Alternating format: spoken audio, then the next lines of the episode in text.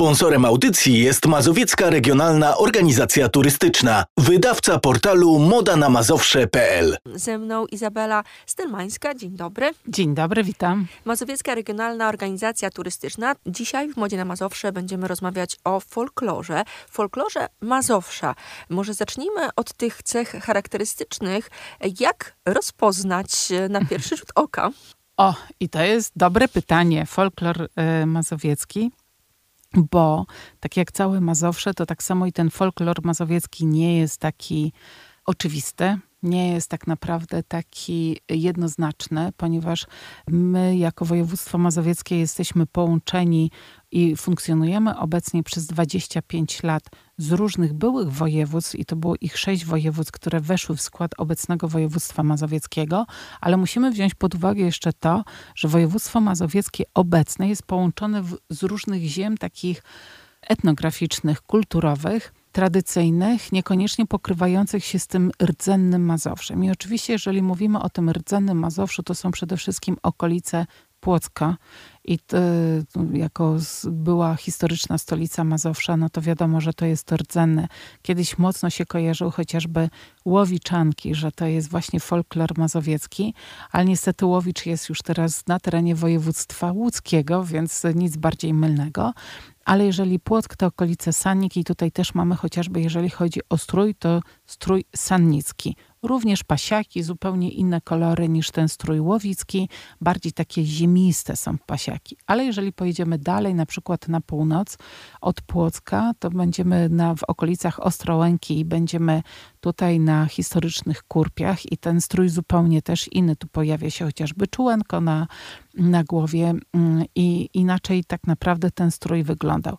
Inaczej też oczywiście te stroje i ten folklor wygląda na południu Mazowsza, gdzie to jest historyczna w ogóle ziemia małopolska, sandomierska, więc ona też na przestrzeni lat, e, czy to kuchnia, czy też i strój, czy folklor, czy tradycja zupełnie inaczej się e, kształtowały. I dlatego tak naprawdę województwo mazowieckie jest o tyle atrakcyjne, bo w którym kierunku byśmy nie pojechali, to zobaczymy zupełnie inne elementy, zupełnie coś innego nas zaskoczy, czy chociażby nawet ten strój tradycyjny jest zupełnie inny i tradycje, które były chociażby związane z tymi świętami, też były inne. Inaczej się urządzało domy, inaczej się gotowało, inaczej nazywały się chociażby potrawy, bo mamy też, e, nie wiem, babkę ziemniaczane w jednym terenie, w innym nazwiemy to rejbakiem albo kugiel, więc jakby chociażby do jednej potrawy różnego rodzaju nazwy funkcjonują nawet na terenie samego województwa mazowieckiego obecnie.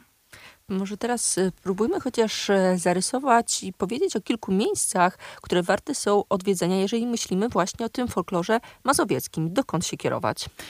To ja może w pierwszej y, kolejności bym wszystkich zachęciła do tego, żeby odwiedzić siedzibę Państwowego Zespołu Ludowego Pieśnie i Tańca Mazowsze imienia Tadeusza Sygietyńskiego, e, ale to jest oczywiście Karolin, to są otrębusy niedaleko, mm, niedaleko Warszawy i tutaj z jednej strony możemy e, być świadkiem pięknego wydarzenia artystycznego, jeżeli nam tylko się uda zakupić bilety i wejść na spektakl, na koncert właśnie zespołu pieśni i tańca Mazowsze, a Mazowsze dysponuje piękną salą mm, widowiskową właśnie na swoim terenie i tam możemy taką trochę ucztę i dla ducha odbyć.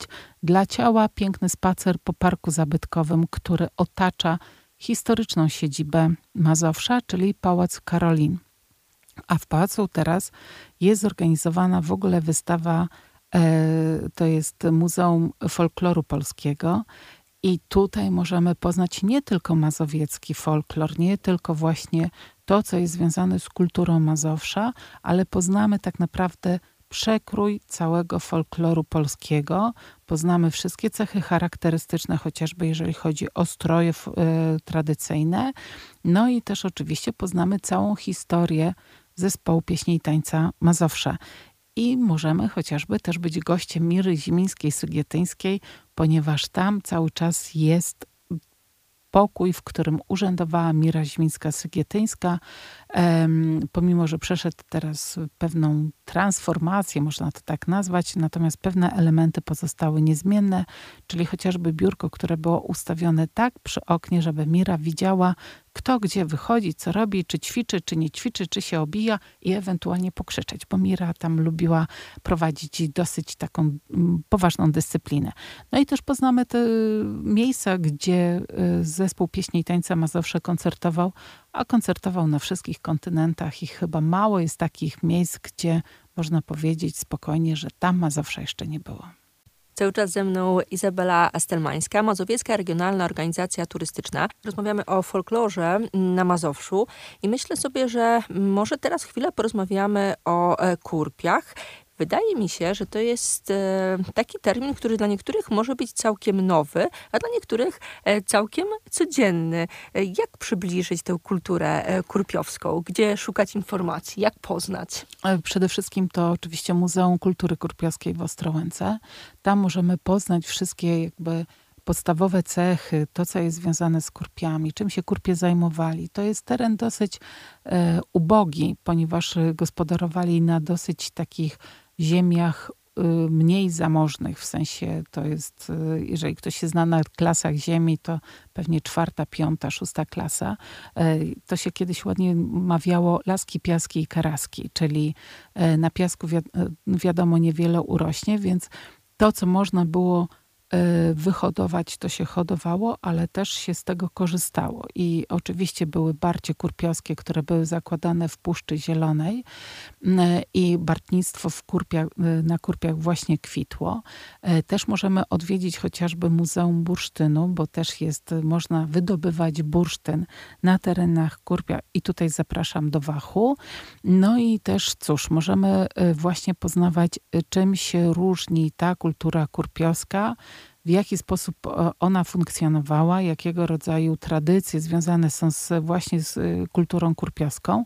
Mało tego, to jest też taki teren, gdzie nawet jeżeli udamy się tam w niedzielę, to możemy zaobserwować, że niektórzy idą do kościoła właśnie w strojach kurpiowskich, ponieważ tam mocno dba się o to, żeby jednak tą tradycję kurpiowską kultywować i zachowywać dla potomności. Dlatego też to jest piękny taki teren mocno etnograficzny, dbający właśnie o swoją odrębność a bardzo bogaty tak naprawdę, bo i pod względem kulinarnym bogaty. Możemy posmakować takich przysmaków jak fafernuchy, czy chociażby babka ziemniaczana, którą tam zjemy.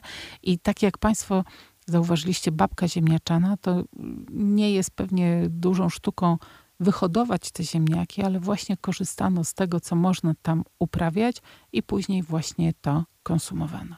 Izabela Stelmańska, Mazowiecka Regionalna Organizacja Turystyczna była z nami. Dziękuję bardzo. Dziękuję. I dodam jeszcze, że e, jeżeli komuś coś umknęło, na przykład początek rozmowy, no to odsyłamy do podcastów Moda na Mazowsze, radiocampus.fm. Tam wszystkie informacje znajdziecie. Sponsorem audycji jest Mazowiecka Regionalna Organizacja Turystyczna, wydawca portalu modanamazowsze.pl.